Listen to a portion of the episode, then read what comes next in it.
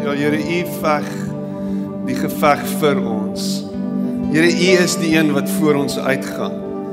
U is die een Here wat kom en die mure breek. U is die een wat die deurbraak gee. U is die een wat die oorwinning bring. Here, by U is enigiets moontlik. Niks is ooit te groot vir U nie. Niks is onmoontlik vir U nie. U is die God van die onmoontlike wat alles moontlik maak. En hier staan ons ver oggend en ons hef ons hande op na U en ons besing U lof en besing U naam want U is groter en meer en verder as wat ons ooit kan begryp of verstaan. En ten spyte van dit, ten spyte van hierdie hierdie God wat U is wat hemel en aarde gemaak het en wat die heelal in sy hand hou, hierdie God kom en word mens en kom woon tussen ons en kom maak homself, U kom maak U self, Here, approachable, Here, sodat ons in verhouding met U kan staan.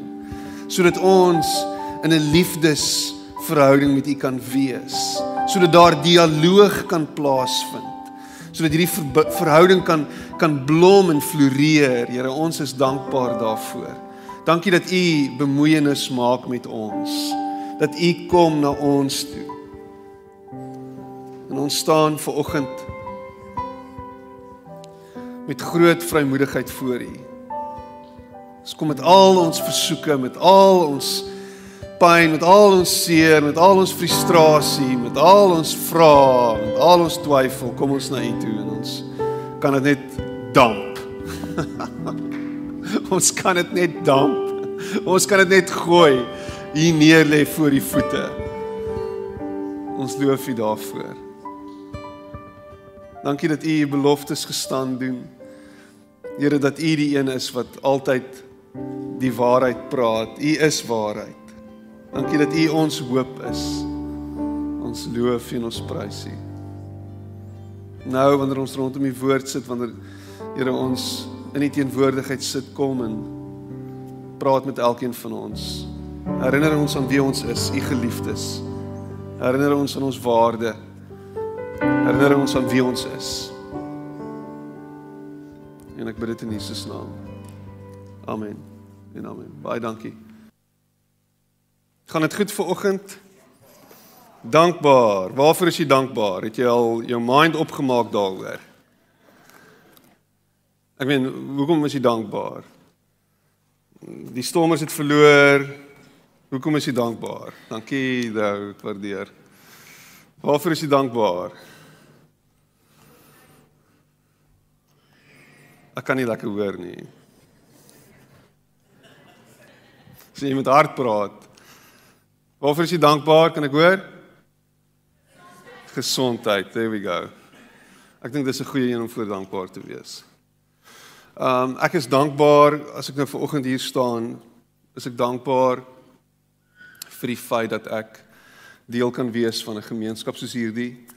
Dankbaar dat daar in hierdie gemeenskap geloof opgebou kan word in my hart want ek dink dis dis so nodig dat wanneer ons bymekaar is dat ons kan rondkyk en net kan sien o oh, dis nie net ek nie. Ah oh, ek is nie alleen nie. Ek is nie alleen op hierdie reis nie. Daar's ander ook. En ons almal saam het so 'n manier om mekaar te inspireer, het 'n manier om mekaar in die oë te kyk en wanneer ons dit doen, dan gebeur daar iets in ons harte. So ek het nodig dat jy hoor vir oggend jy is nie alleen nie. Ek het nodig dat jy hoor vir oggend dat dat hy nie van jou vergeet het nie. Jy het nodig om te hoor vir oggend dat al voel jy eensaam hy by jou is.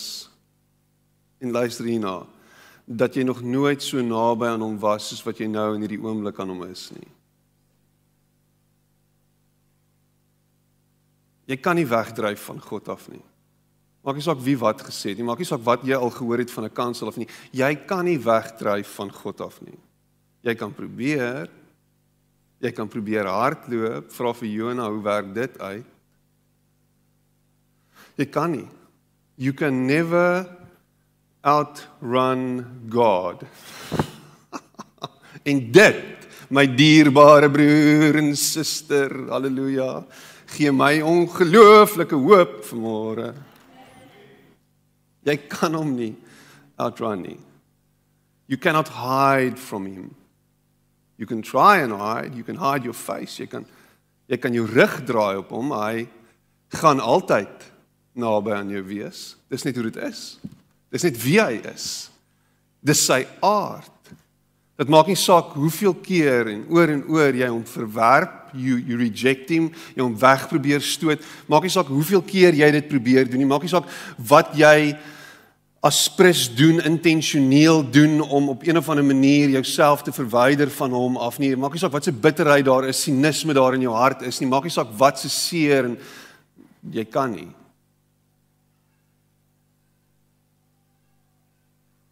Hy is by jou nader as jou selfoon in jou broek se sak. Hy's by jou en hy staan stil by jou en hy neem hy neem kennis van jou van jou trane. Hy neem kennis van daai pyn. Ek ek love daai skrifgedeelte wat sê Psalm 56 waar hy sê elke traan wat jy stort word opgeskryf in sy boek. Waaroor huil jy? Wat is dit wat jou hart breek op hierdie stadium? Wat is dit wat jou elke dag net devastate van vooraf? Wat is dit? Wat is dit as jy terugdink daaraan kan jy nog steeds nie oor dit kom nie. Jy kan dit nie glo nie. Hoe kon hy? Hoe kon sy? Hoe kon dit gebeur? Hoe kom ek?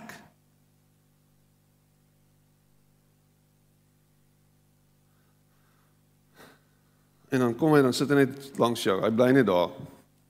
Hy's net by jou. Nader as jou broer nader as jou naaste vriend, nader as jou pa of jou ma, nader as jou sussie. Nader as jou jokkie. Nader as jou haas. Wow. Imagine that. I didn't see that coming. so ek het um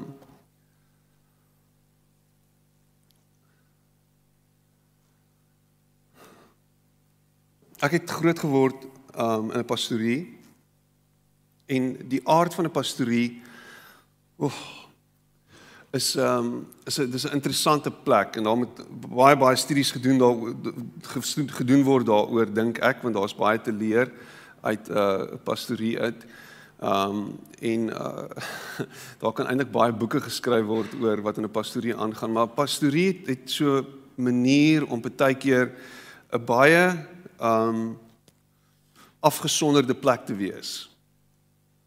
Wel is nou veral in in in in die jare wat ek nou groot geword het. So dit is 'n plek wat so half afgesny word en ons word hierdie bubbel en in hierdie bubbel is dit net ons wat omgee vir mekaar en lief is vir mekaar want eintlik kan jy nie buite hierdie bubbel mense vertrou nie want mense gaan jou seermaak. So dis dis dis nie net verbaal gekommunikeer nie, dis so half nie verbaal wat dit ook oorgekom het. Nou dis dalk die pastorie waarin ek groot geword het. Miskien is daar ander mense wat in 'n ander pastorie groot geword het, maar dit is my verwysingsraamwerk. En ehm um, ek weet mense kan nou baie goed daaroor sê. Ek weet my ouers is opreg en ons is hulle is baie lief vir ons gewees. So hulle wou ons net beskerm en ek dink hulle het hulle self ook probeer beskerm in dit. maar wat gebeur is omdat ons heeltyd besig is om in hierdie babbel te wees, sit jy en jy dink by jouself, okay, maar kan ek mense vertrou? Is dit dan ooit vir my beskore om vriende te kan hê wat ek werklik kan vertrou?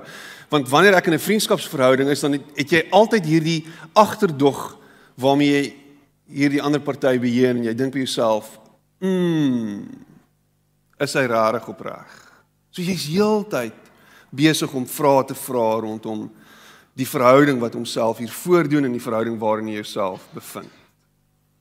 En dit het ook nie gehelp dat ek in 5 of 6 laerskole was nie en 'n hele klomp hoërskole omdat ons getrek het en en dan elke nou en dan moet jy weer van voor af vriende maak en so vriendskap kan kan baie maklik hierdie oppervlakkige ding word en jy jy dink by jouself vriendskap is maar net wat dit is. Dis net so half ons neem kennis van mekaar, is 'n plek waar ek kan wees en waar ek aanvaar word en waar ek ingenooi word en deel van kan hê en ons kan lekker grappies maak en ons kan lekker lag en ons kan ehm um, saam gaan rugbybal skop of saam iets gaan doen of saam gaan gym of saam gaan draf of ons kan iets saam doen en ons kan saam gaan fliek en en dis wat dit is. Maar dis nie meer as wat dit is nie.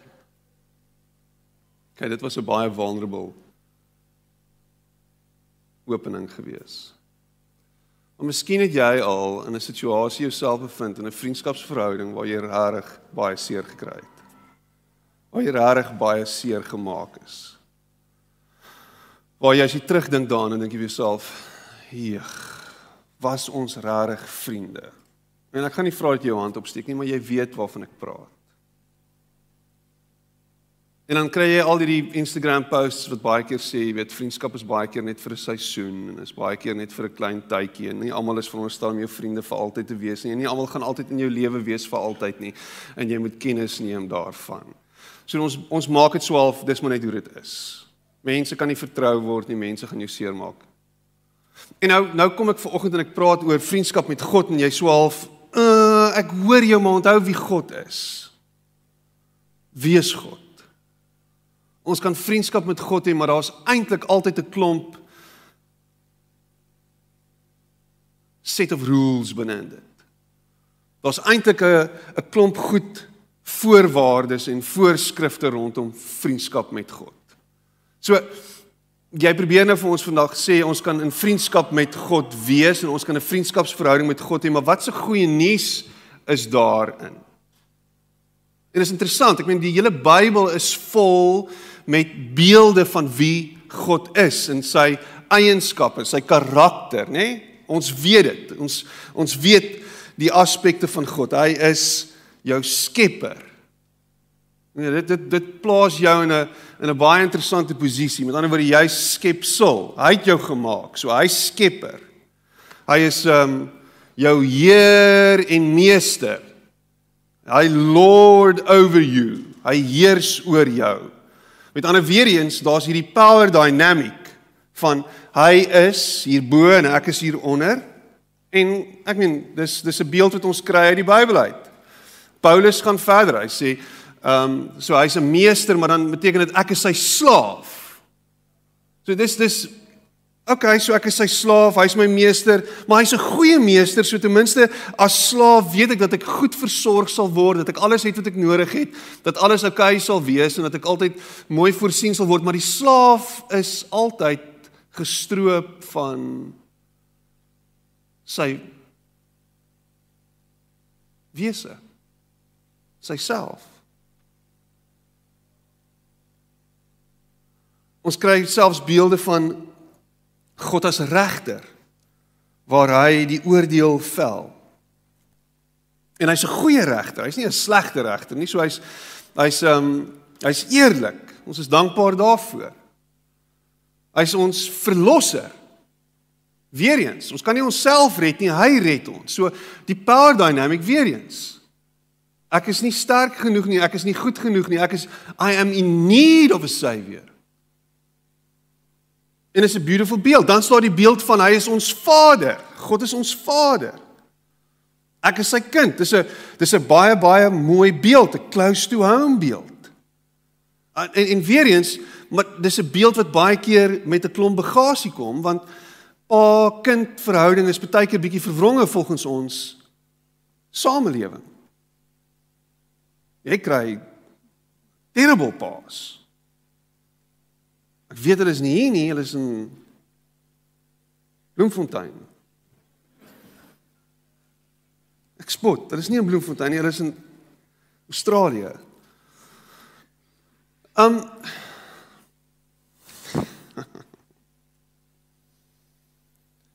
Maar hy is ons hy is ons Vader en ons is sy kinders weer eens. Um dis 'n dis 'n dis 'n dis 'n dis 'n verhouding wat wat beautiful is wat ons ingeborge kan voel wat ons regtig voel ons word regtig versorg en, en daar's selfs 'n beeld van God as as as as moeder. En daar's hierdie pragtige beeld in die in die psalms waar hy skryf oor soos 'n hen haar kykens koester en versorg. lovely beeld van God as moeder. En ons sukkel baie keer met daai beeld en baie mense sê ons weier om daai beeld te aanvaar, maar sak dit op, buttercup, dit is daar. Hy het hierdie moederlike sagtheid wat ook oorkom. En dis interessant. En daar's etlike ander beelde ook. Maar dis 'n beeld wat tot my spreek en wat ons so maklik kan vergeet en dit is hierdie beeld van hy wil jou vriend wees.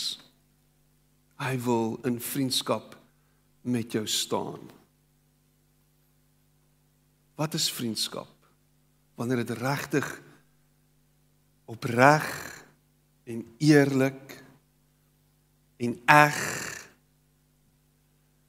en diep is, diepgaande is. Ek weet ons sien dit in in 'n pragtige beeld in die Bybel waar Dawid en Jonathan in hierdie vriendskapsverhouding is. Ek ek meen dis intens die tipe verhouding wat hulle gehad het. Hulle het hulle het 'n verbond met mekaar aangegaan deur die vermenging van bloed. Hulle het iets baie intens gedoen. Hulle hulle lewens aan mekaar as ware verbind en gesê ons is onlosmaaklik deel van mekaar en Dawid is aan die ontvangkant van 'n ongelooflike opofferende tipe van vriendskaplike liefde. Want Jonathan kom en sê my pa is Saul en Saul wil jou lewe van jou af wegneem en ek gaan toesien dat jy beveilig word teen my eie pa. Ek is die troonopvolger, die natuurlike troon troonopvolger. Ek is sy bloed, maar ek gaan alles prysgee ter wille van jou. En dis 'n ongelooflike storie. En Jonathan betaal uiteindelik met sy lewe vir hierdie verhouding wat hy met Dawid gehad het. En dan kom Dawid aan die einde van sy lewe nadat nadat alles in plek geval het en dan toon hy en hy bewys genade aan die seun van Jonathan Mephiboset op 'n baie baie besonderse wyse. Nadat wanneer jy as koning eintlik in bewind kom, jy seker wil maak dat enige iemand wat kan aanspraak maak op die troon uit die weg geruim moet word en van die aarde afgevee moet word en vernietig en doodgemaak moet word, dan kies Dawid om die gestremde kind van die regmatige troonopvolger van Saul in te neem in sy huis. Dis vriendskap. Dis nie hierdie kom ons kyk of ons mekaar in die rug kan steek so gou as moontlik en van mekaar die slegste kan praat agteraf, maar eintlik vooraf is ons eintlik veronderstel om vriende te wees wat selfies saamneem en Instagram posts maak nie.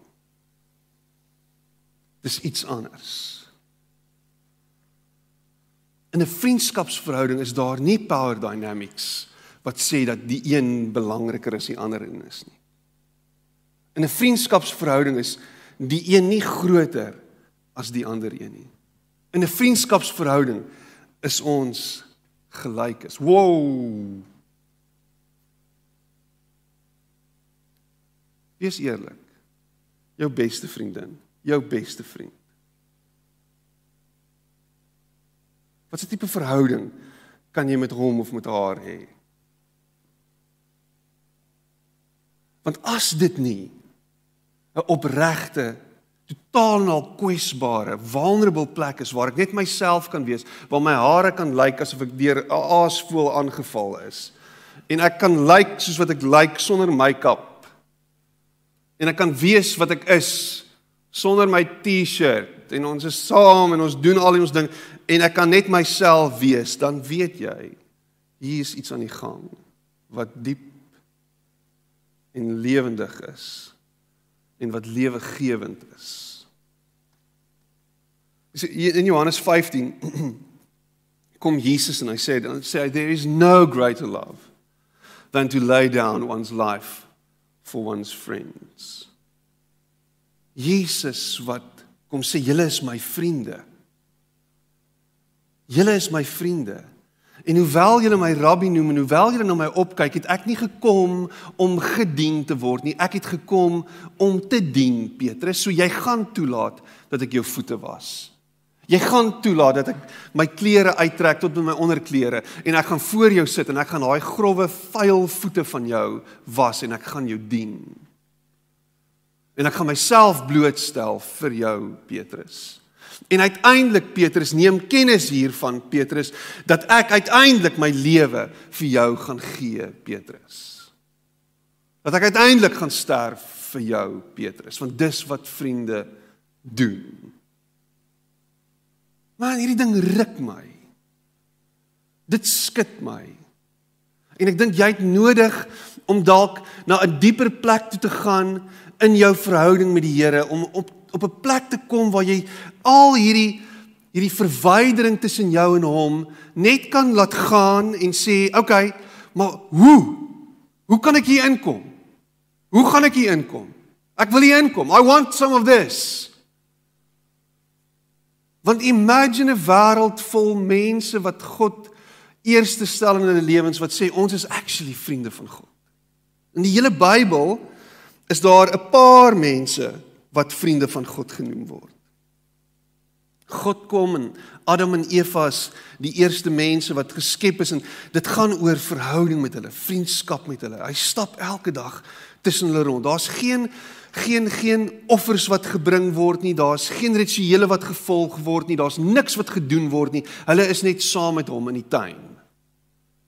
Hulle stap saam met hom en hy praat met hulle. Hy's besig met hulle. Daar's 'n paar mense in die Bybel wat genoem word vriende van God. Moses en Abraham is vriende van God. Dawid is 'n is 'n man so na aan God se hart.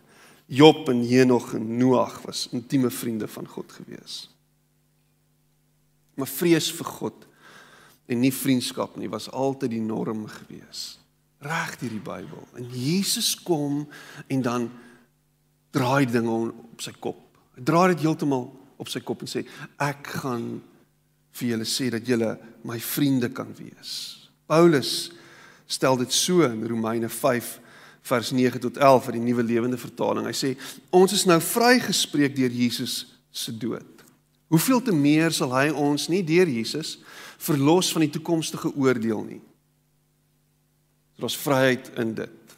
Want as God ons terwyl ons nog sy vyande was, deur die dood van sy seun tot sy vriende gemaak het, hoeveel te meer sal hy ons nie nou dat ons sy vriende is deur hom die lewende Jesus van die oordeel red nie?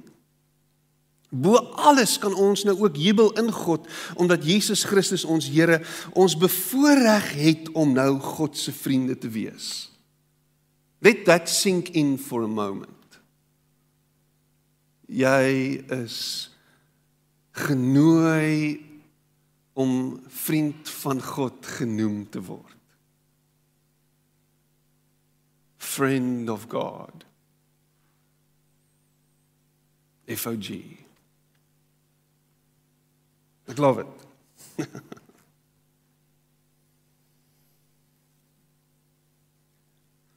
In hierdie vriendskapsverhouding is daar vir ons vryheid is daar vir ons intimiteit, is daar vir ons geborgenheid, is daar vir ons 'n openheid en 'n eerlikheid.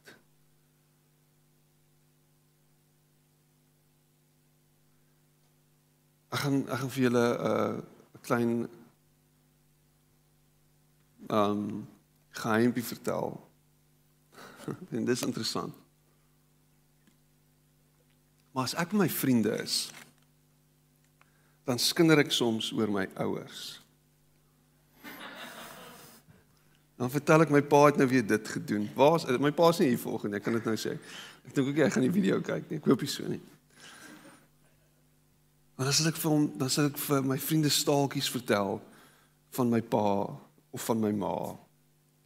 En daar's 'n daar's in daai oomblik is daar 'n O, okay, dis nie net my pa wat weird is nie, maar daar's ander ouers wat ook weird pa's en ma's het. Maar daar's so hierdie daar's hierdie koneksie wat plaasvind wanneer ons in 'n vriendskapsverhouding is en ons praat oor die dinge wat ons pla van byvoorbeeld ons verhouding met ons ouers of ons verhouding met ons kinders of ons verhouding met ons oupas of daar's iets wat aangaan by die werk en ek vertel dit vir my vriende en ek vertel hulle van dit en ek vertel hulle van dat. Jy weet waarvan ek praat. En soms wanneer vriende by mekaar kom, dan praat hulle selfs van dis my belewenis van God en ek is vies vir hom omdat hy dit toegelaat het. En daar's 'n bitterheid wat baie keer opkom en daar's 'n sinisme wat sê ek struggle om te glo terwyl alles aangaan in my lewe soos wat dit aangaan. Hoor die misterie van wie God is. Hoor die ongelooflike ongelooflike openheid en in in in Ek gaan dit weer gebruik. Ek hou van hierdie woord deesdae. Hierdie weerloosheid van hierdie God. Om te kom en te sê ek is jou pa, om te kom en te sê ek is jou herder, om te kom en te sê ek is jou meester, ek is jou redder, ek is jou verlosser, om te kom en te sê ek is jou ma, om te kom en te sê ek is die een wat alles gemaak het en dan om te kom te sê ek is jou vriend. Can you feel that? Ek kry hoendervleis. Dat hy sê kom en praat met my, sê vir my hoe jy voel, sê vir my wat jy wil sê. Wees toe, kom, sê, praat met my. Maak dit oop. Let it out. Get it out. Wees kwaad, skree, raas, doen dit. Maak oop. Ek is jou vriend. En niks wat jy sê gaan my skok en niks wat jy sê gaan my wat wegstap van jou nie.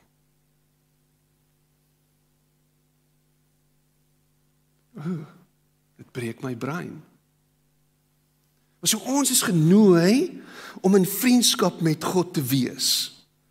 Trouwens, hy noem ons vriende van van hom nog voordat ons onsself as vriende van hom beskou. Hey, hier's my vriend Piet. Ek is of, hè? Is ons vriende? Ja, jy's my vriend. En ons is intens vriende. Ek het my lewe vir jou gegee. So I laid down my life for you. So ons is ons is ek meen jy jy kan nie wegkom van my af nie. Ek is nou jou vriend. Daai awkward vriend wat agter jou aanloop by pouse. As jy omdraai, hier staan hy. wat awkward vriend wat saam met jou in die cubicle wil inloop in die badkamer. Nee, asseblief bly net buite. Hoor meisies doen dit. Dit is vir my baie weird. Hulle sal toilet toe gaan en dan gaan die meisie saam met die meisie toilet toe en dan sit sy langs haar in die ander kant se toilet en dan gesels hulle. Ek weet nie, ek het al gehoor daarvan. Of ek het dit dalk op 'n fliek gesien, ek weet nie. Maar hoe word ek vriende met God en hoe laat ek myself toe en hoe kry ek myself in 'n plek waar ek waar ek kan relate met hierdie vriend van my? En ek dink dis belangrik. Daar's 'n volgende slide, jy moet dit net asseblief opsit. So hoe word ek vriende met God? En ek dink hier is dis die alfa en die omega van hoe om vriende met God God te wees nie. Ek dink dit is as jy jouself in so mind frame kan kry om te sê kom ek word vriende met God. Hoe, hoe wat beteken dit om vriende met hom te word? Wat dat dat daai verhouding net soos nog nog nader kom, net soos nog meer intens wees. Dat dat dit net rarig so vir my voel dat ek enigiets met hom kan deel klink amper so half infantile. Mm, dis bietjie weird.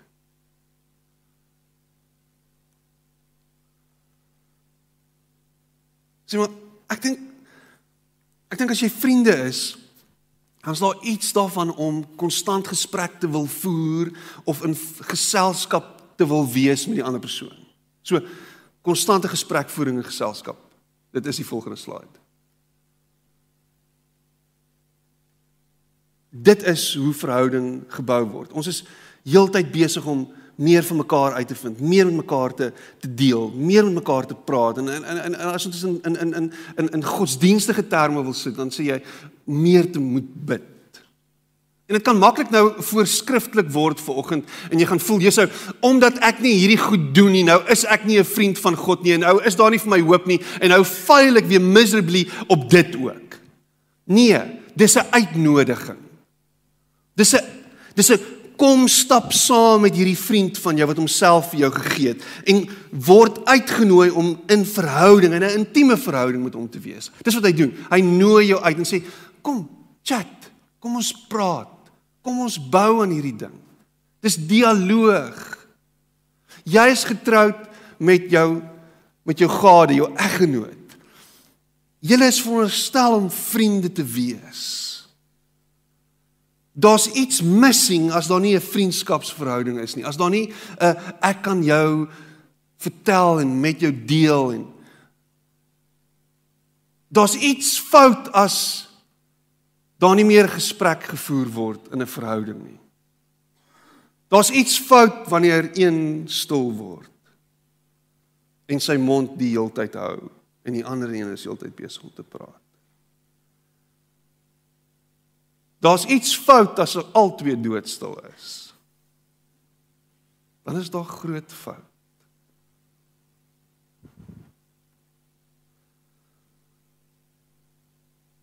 Vriendskap met God word gebou deur jou lewenservarings met hom te deel om om alles wat deur jy gaan, om alles wat jy doen met hom te wil deel. In elke aktiwiteit word hy ingesluit in elke gesprek en elke probleem en elke gedagte.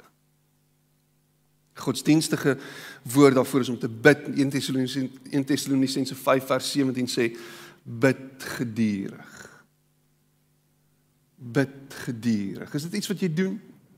Nee, pastoor, my gebedslewe is absolute gemors. OK, omdat jou gebedslewe veronderstel is om in die oggend 10 of 15 of 20 of 'n halfuur minute te wees en dan in die aand weer is dit is dit hoekom jou gebedslewe gemors is of is jou gebedslewe gemors omdat jy glad nie met God praat nie? Want om in verhouding met hom te wees en om in gesprek met hom te wees is om heeltyd met hom konstant jou gedagtes te deel. Om te sê hoe jy voel, om te sê wat nou gebeur, is om 'n dagboek te hou deur te verbaliseer. Praat met God terwyl jy bestuur, terwyl jy inkopies doen. Terwyl jy oefen, terwyl jy tuin nat spuit. Terwyl jy gras sny of verf of golf speel Gewoonlik as jy golf speel, dan praat jy meer met God as gewoonlik.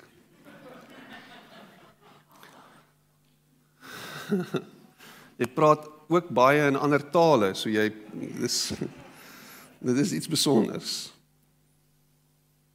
So dit beteken nie noodwendig afsondering en eensaamheid en asketies wees iewers in 'n grot in 'n berg langs die see, in 'n rivier. Dit beteken niks van dit nie. Dis 'n konstante oor en oor bewustheid dat God by jou is. En ek dink um Dallas Willard sê dat hy sê you must arrange your days so that you are present with God as much as possible.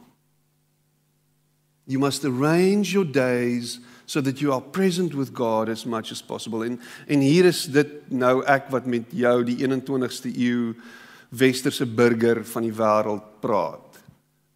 Het jy jou lewe so ingerig en is jou lewe so ingerig dat daar vir jou 'n teenwoordigheid by God is soveel as moontlik?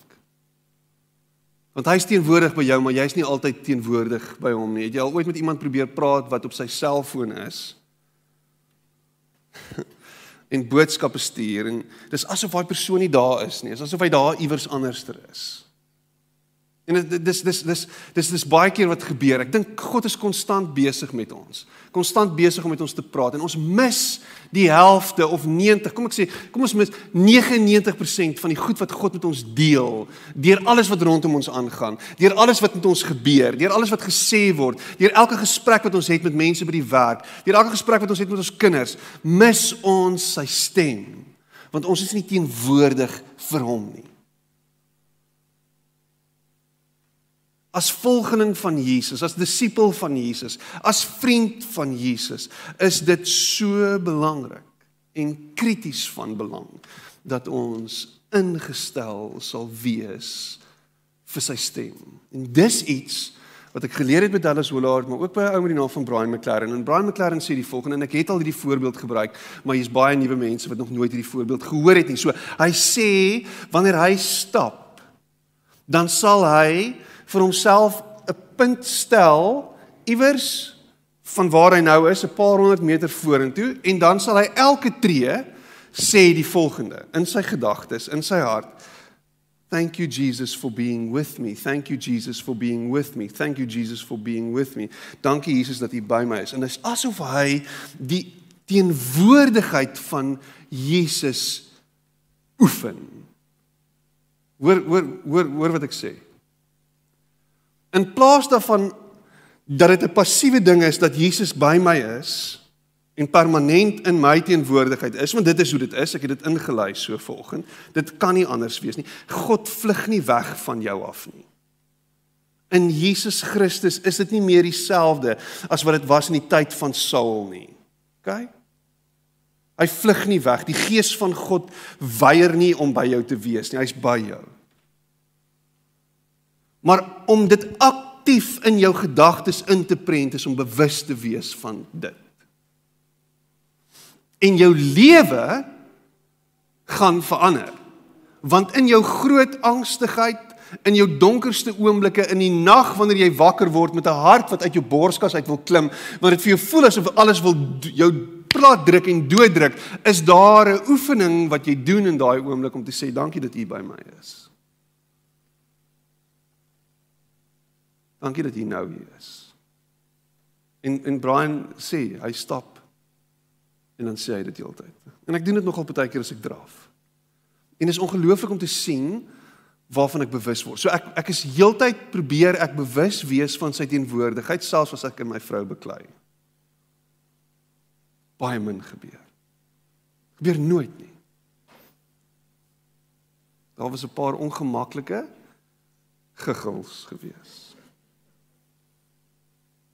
Maar veral wanneer ek voel dat dinge buite beheer raak en selfs binne in hierdie verhoudingssituasie. As dit so half wat wil die Here nou vir my sê? Wat sê U nou vir my? Ja, okay, ek sal ek sal iewers om verskoning vra, net nie nou nie. Of jou kinders is by jou. Jou kind sê vir jou iets. Jou kind gee vir jou 'n klap hier van die kant af, 'n spreekwoordelike klap en dit tref jou diep en jou hart word seer gemaak daardeur en jy moet aandag daaraan gee want dit was God wat met jou gepraat het. Kan ek sien wie weet waarvan ek praat? Ek gaan nie net alleen praat volgende.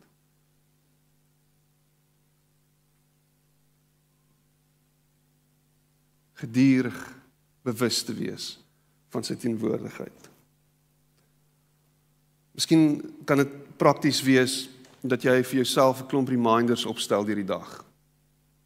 Om aan die begin van die week te gaan sit en te sê ek gaan 15 of 12 of 8 of 9 of 7 of 5 reminders deur die dag stel wat afgaan en sê wees bewus van sy teenwoordigheid. Ontprooi dit.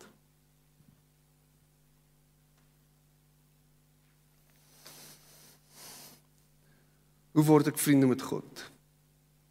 Deur voortdurende meditasie.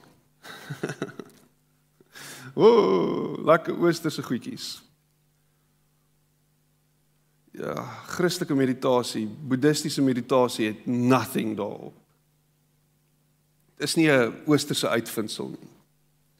Om te mediteer is om die psalmskrywer te ego wat sê Ek oordink u woord dag en nag om heeltyd bewus te wees dat God met ons praat deur sy woord, deur sy geskrewe woord en dat daar wysheid in opgesluit is wat jou lewe kan verander. En dat die drek waarmee jy jouself voer En ek praat nie van die McDonald's nie. Ek praat van die nuus en ek praat van allerlei goed wat ons heeltyd hoor. Ek praat van die huisgenoot, ek praat van people, ek praat van Harry se outobiografie. Ek praat van alles. Nooit meer kan weeg as God se woord nie. Met ander woorde, vat daai skrifgedeelte en hier's 'n praktiese voorbeeld. Ek dink een van die goed wat ek probeer om elke dag te doen is om op te staan en dis baie eenvoudig. Jy het die Bible app op jou foon. Come on. As jy nou nog nie die Bible app op jou foon het, nie onder watse klip bly jy, okay? So, kry die Bible app, sit hom op jou foon en elke dag is daar 'n verse of the day. Hier's ou ooms van in hulle 80's wat elke dag verse of the day op Facebook share. Dis beautiful. So gaan leer by van ons ou ooms in ons gemeente. Ek kan vir jou wys na hulle toe. En dan word jy bewus van dit wat gesê word en daai skrif dra jy die heel dag saam met jou en jy dink daaroor. Daar's selfs 'n videoetjie wat dit accompany. En as jy dit in Afrikaans wil hê, as jy jou toep stel na Afrikaans toe. Vaderland, dit is 'n terrible woord. As jy jou app na Afrikaans toestel, dan is daar selfs 'n 2 minute videoetjie. Nie deur my nie, deur iemand wat dit behoorlik kan doen en dan praat hy met jou of sy met jou op daai skrif. En dan mediteer jy oor dit wat goed en reg is en mooi is. Nie drek wat jy gelees het op News24 nie, wat jou net verder en verder vergiftig nie. Ek praat so nou en dan praat ek op um, Radio Kansel môreoggend weer en dan praat ek oor die Christelike perspektief oor die nuus. En nadat ek my my my my navorsing gedoen het en ek moet nou 'n perspektief daaroor gee, dan sê ek altyd vir hulle, "Man, hierdie is te veel vir my. Want alles wat ek sien is sleg. Daar's eintlik niks goeds hier nie." Nou moet ek 'n perspektief op op dit gee. Al perspektief wat ek vir jou kan gee is die volgende: as jy dood is, dan gaan jy lewendig word. Dis die Christelike perspektief. Die Christelike perspektief is daar's hoop, daar's altyd hoop. Lig sal altyd triomfeer oor donker. Dis die perspektief.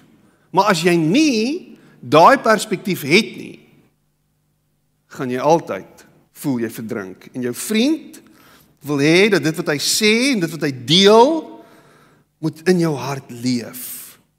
En dis nie kwetsende woorde nie. Dis nie woorde wat jou slaan met 'n kats nie. Dis nie woorde wat jou afkraak nie. Dis nie woorde wat jou verneder en beledig nie. Dis nie woorde wat vir jou sê jy's nie goed genoeg nie. Dis woorde wat jou opbou en jou stig en jou bemoedig en jou probeer uitdrek uit die put uit.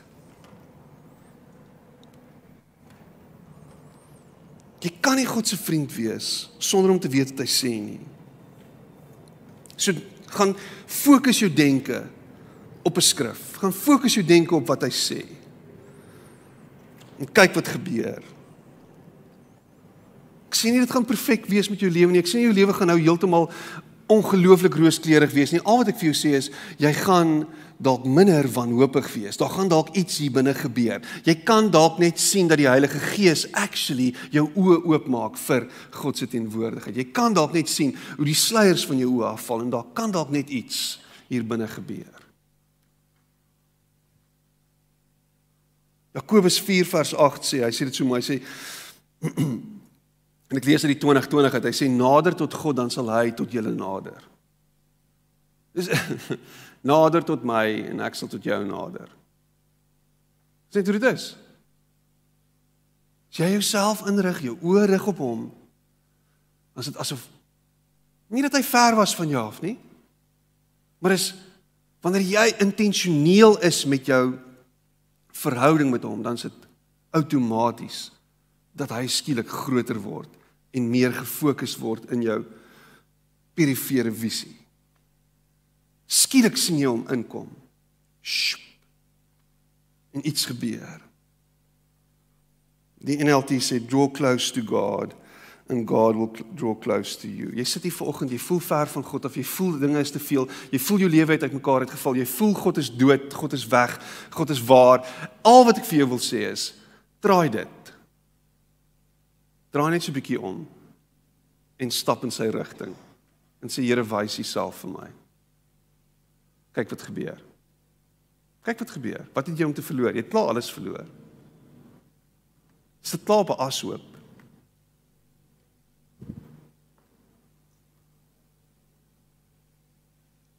Ek moet kies om eerlik met God te wees.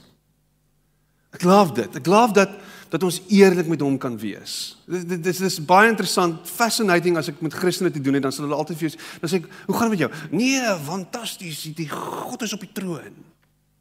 Weet jy al sulke tipe van praatjies gehoor en is great en is dis toksiese positiwiteit. OK. Dis basically wat dit is. As jy nie kan erken dat dit sleg gaan nie, dan lewe in denial. En dan kan jy net sowel later in die krokodille gaan swem in Egipte. Bottom line is, wees eerlik. Jy kan eerlik met jou vriende wees. Jy kan eerlik wees oor jou situasie. Jy kan hom toe kom met al jou en ek het net gesê, al jou aggressie, al jou angs, al jou twyfel, al daai woede, al daai goed na hom toe. In steede daarvan om dit te projekteer op almal naby aan jou. In steede daarvan om almal seer te maak met alles wat binne in jou eie lewe aangaan. Om dit na hom toe te bring. En te sê, ek damp dit nou. Daar's iets wat gebeur wanneer jy praat oor jou issues. Dis hoekom terapie so belangrik is. Berading so belangrik is. Die beraader praat nie die meeste van die tyd nie, jy praat die meeste van die tyd. By the way. Wie gekom om jou stem te hoor nie? Jy het gekom om te luister na my. En dan reageer jy. En dan gee jy my wat ek nodig het. En 'n goeie beraader weet wat nodig is. En God weet wat nodig is. Love that.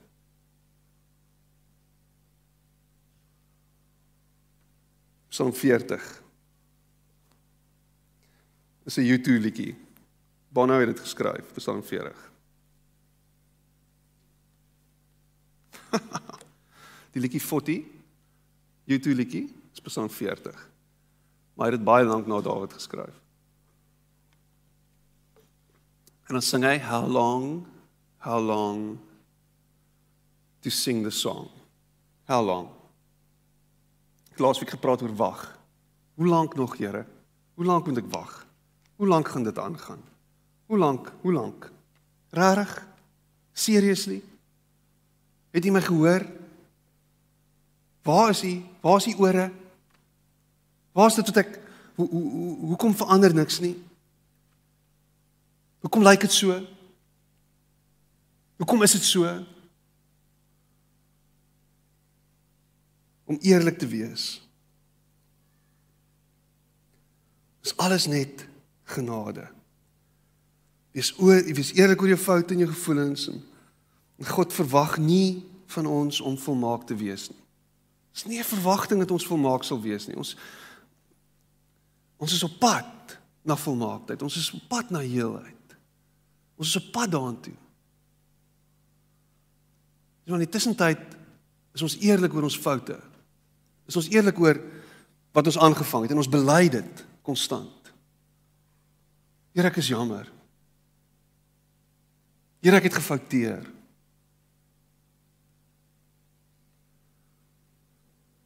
Here ek het droog gemaak. Kain, waar's Abel? Ek weet nie. Waar's hy? Ek weet nie. Ek is nie my broer se oppasser nie.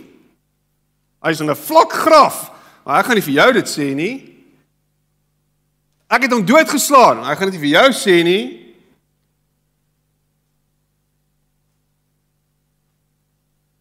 David? David? Jy is hierdie ryk ou wat die arme man se pragtige lammetjie vat. Daai pragtige skaap wat hy getroetel het en gevoer het en jy het hom gevat en jy het hom geslag vir jouself. Jy is die ou. En wat doen Dawid toe Nathan hom kom konfronteer? Hy skeer sy klere en hy besef ek is jammer. En ten spyte van Dawid se se mess up, ten spyte van Dawid se foute, ten spyte van dit wat hy aangevang het, is hy nog steeds 'n man so na in God se hart. Hoe werk dit? Omdat hy eerlik was oor sy foute. Omdat hy nie so Saul probeer het om dit weg te steek nie. Omdat hy nie soos Kain oneerlik was nie. Daar's 'n eerlikheid. Daar's 'n opregtheid. Wees eerlik. Wees gehoorsaam. En hierdie is 'n interessante ene, want om in in verhouding met vriende te wees, jy jy jy, jy sien dit nie noodwendig as 'n vriendskaplike uh, kenmerk nie. 'n Kenmerk van vriendskap is nie noodwendig gehoorsaam wees aan mekaar nie.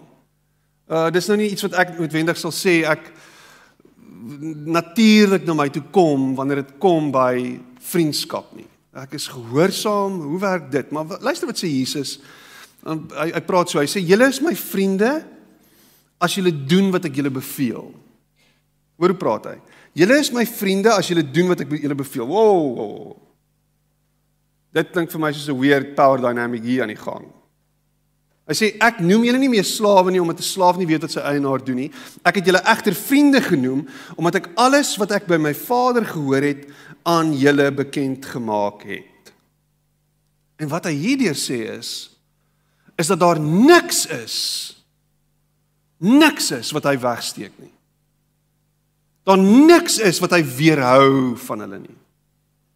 Daar niks is wat hulle nie by hom gekry het wat hy wat hy wat hy veronderstel was om vir hulle te gee nie. Hoor, hoor, hoor, hoor, hoor, hoor. Hy's besig om te sê ek het alles vir julle gegee. Ek het myself uitgestort vir julle. Hier is alles wat ek weet van die Vader. Daar's niks niks niks niks vir niks verwydering hier wat ek teweegbring as gevolg van my verhouding met die Vader nie. Ek is besig om my intiemste details rondom my verhouding met die Vader met julle te deel. En hy sê dit binne in die konteks en jy gaan lees Johannes 15 binne die konteks van liefde. Om lief te wees vir mekaar en die opdrag wat hy uitdeel is julle moet alles doen wat ek julle beveel gaan oor julle moet lief wees vir mekaar. En in dit is julle besig om gehoorsaam te wees aan my. In 'n vriendskapsverhouding is daar is daar baie keer waarheid en daar's oneerlikheid. En wanneer ons in waarheid optree in 'n in 'n verhouding, in 'n vriendskapsverhouding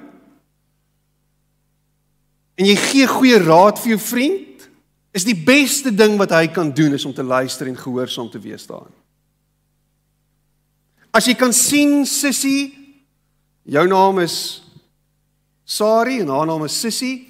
Sari, as jy sien Sissie is besig om droog te maak, As jy sien sussie se drinkgewoontes is besig om hand uit te ruk, as jy sien sussie rook te veel sigarette, as jy sien sussie drink te veel uh pille, as jy sien sussie eet te veel, as jy sien sussie oefen te min en jy spreek waarheid in haar lewe in en sy's nie gehoorsaam aan jou nie, dan is dit so half waarmee is ons besig hierso? Ek is lief vir jou. Ek gee om vir jou. Hoor wat ek sê. Luister na my.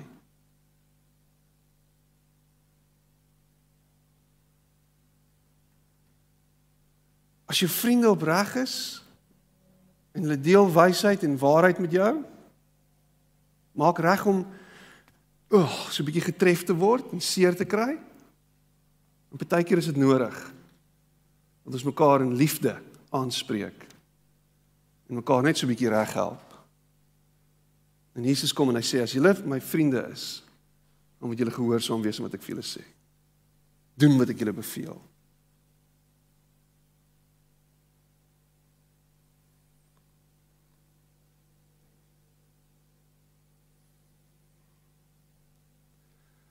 As dit vir hom belangrik is, as dit vir my belangrik is. As dit vir hom belangrik is. As dit vir my belangrik is. Wat is vir hom belangrik?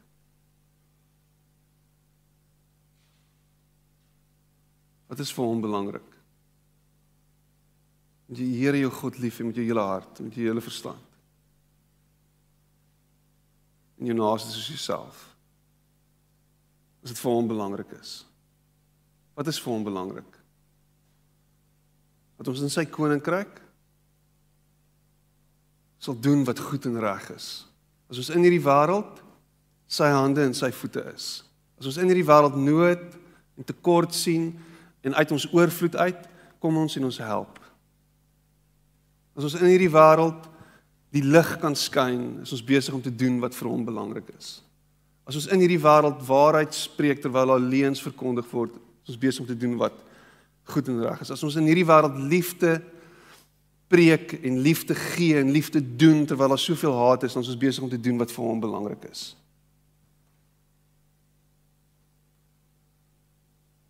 En dan kan ons onsself vriende van God noem. Wat is vir God belangrik? Dat jy lief sal wees vir jou vrou, dat jy lief sal wees vir jou kinders. Dis wat vir hom belangrik is, dat jy lief sal wees vir jou buurman, dat jy lief sal wees vir jouself. Dat jy lief sal wees vir die mees gehate politieke leier in ons land, dat jy lief sal wees vir hom wat in jou kop nie goed genoeg is nie. Dat jy lief sal wees vir hom wat 'n vyand is. Dat jy lief sal wees. Dis wat vir hom belangrik is. En as dit vir jou belangrik is, dan is dit vir hom belangrik. Wat is vir jou belangrik? Wat is dit wat jy deel met hom? Wat is jou worsteling? Wat is jou vrae? Wat is die goed wat in jou lewe aangaan? Hoe klein of netelig dit ook al mag lyk, dis vir hom belangrik. As jy ongelukkig is, omdat jy teleurstelling moes deurwerk, is teleurgestel oor iets wat gebeur het, dan is dit vir hom belangrik. Jy kan met enigiets na hom toe gaan. Jy kan met enigiets na hom toe kom. Enige vraag, enige versoek. As jy nuwe werk soek en jy bid daaroor, as jy as jy besigheid soek, as jy wat is dit wat jy soek? Wat is dit wat vir jou belangrik is? Wat is die goed wat wat regtig vir jou uitermate belangrik is? Dan is dit vir hom belangrik. Hy is nie die God wat net alles tersyde skuif en sê jy kan nie daaroor worry nie. Hou op. Stop dit. Kom oor dit. Los dit nou. OK, dit het lank terug gebeur. Hou nou op worry daaroor. Kom nou oor dit. Imagine dit. Maar ek is nog steeds nie, ek is nog steeds nie gelukkig daaroor nie. Ek voel nog steeds te nagekom. Ek voel nog steeds seer gemaak. Ek is nog steeds hartseer daaroor. Hoekom? Hoekom? Dan is dit vir hom belangrik. Jy worstel nog steeds daarmee, dis vir hom belangrik.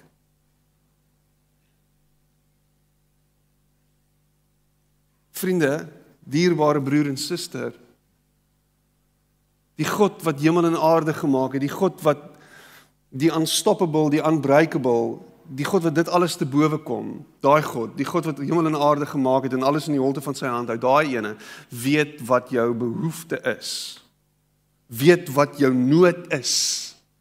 Stel belang in die feit dat jy ongelukkig is oor wat jou juffrou jou kind toegesnou het Weet dat jy hartseer is oor iets wat iemand gesê het by die werk. Weet dat jy worstel met jou verslawing. Weet dat jy struggle om met geld te werk. Weet dat jy behoefte het en dat jy nie weet hoe om alles te manage nie. Weet dat tyd te min is. Weet, hy weet, hy weet, hy weet.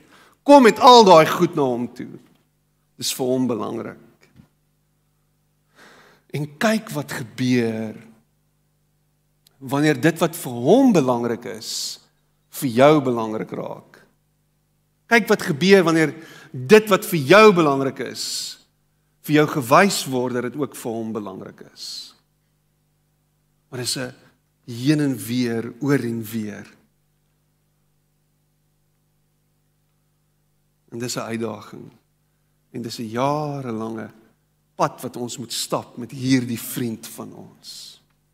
Hy nooi jou uit na vriendskap met hom en sê kom, stap saam met my. Hy nooi jou uit om sy vriend genoem te word en om rond te loop met daai badge wat sê vriend van God. Hy nooi jou uit en hy sê, weet jy wat? Jy is my vriend. Ek wil jou vriend wees. Imagine dit. Imagine dit. Imagine dit en gaan werk aan jou verhouding met hom hierdie week.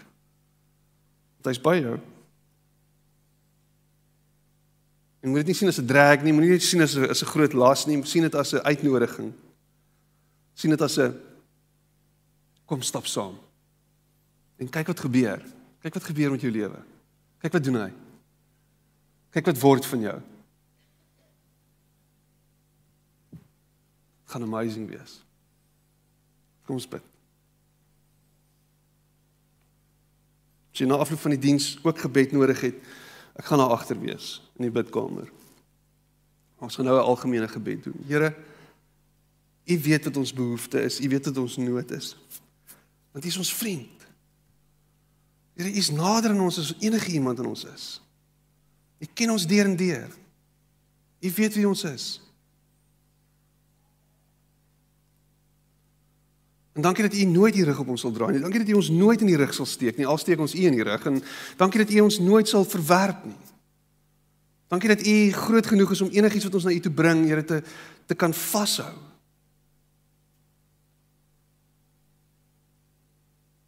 Dankie dat U is wie U is en en dat ons in hierdie verhouding net kan wees wie ons is. En dat hoe langer ons by U is en saam met U sit, meer en meer word ons soos U. Dankie dat U ons help.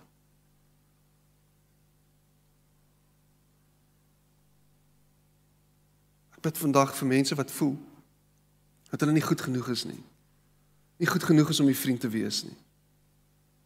Ek bid vir mense wat wat wat twyfel in in U goedheid, en twyfel in U vriendskap vir hulle en met hulle bid Here dat hulle harte sal oopgaan vir die realiteit van u vriendskap. Dat hulle harte sal oopgaan, Here, vir vir die realiteit dat u lief is vir hulle. Dankie dat u ons help. Dankie dat u mense se lewens verander. En ek bid dit in Jesus naam. Dankie vir al die behoeftes wat ons na U toe kan bring, al ons versoeke, al ons versoekings, alles wat te veel is. En dat U die een is wat daarmee kan deel. Ons loof U daarvoor. Amen.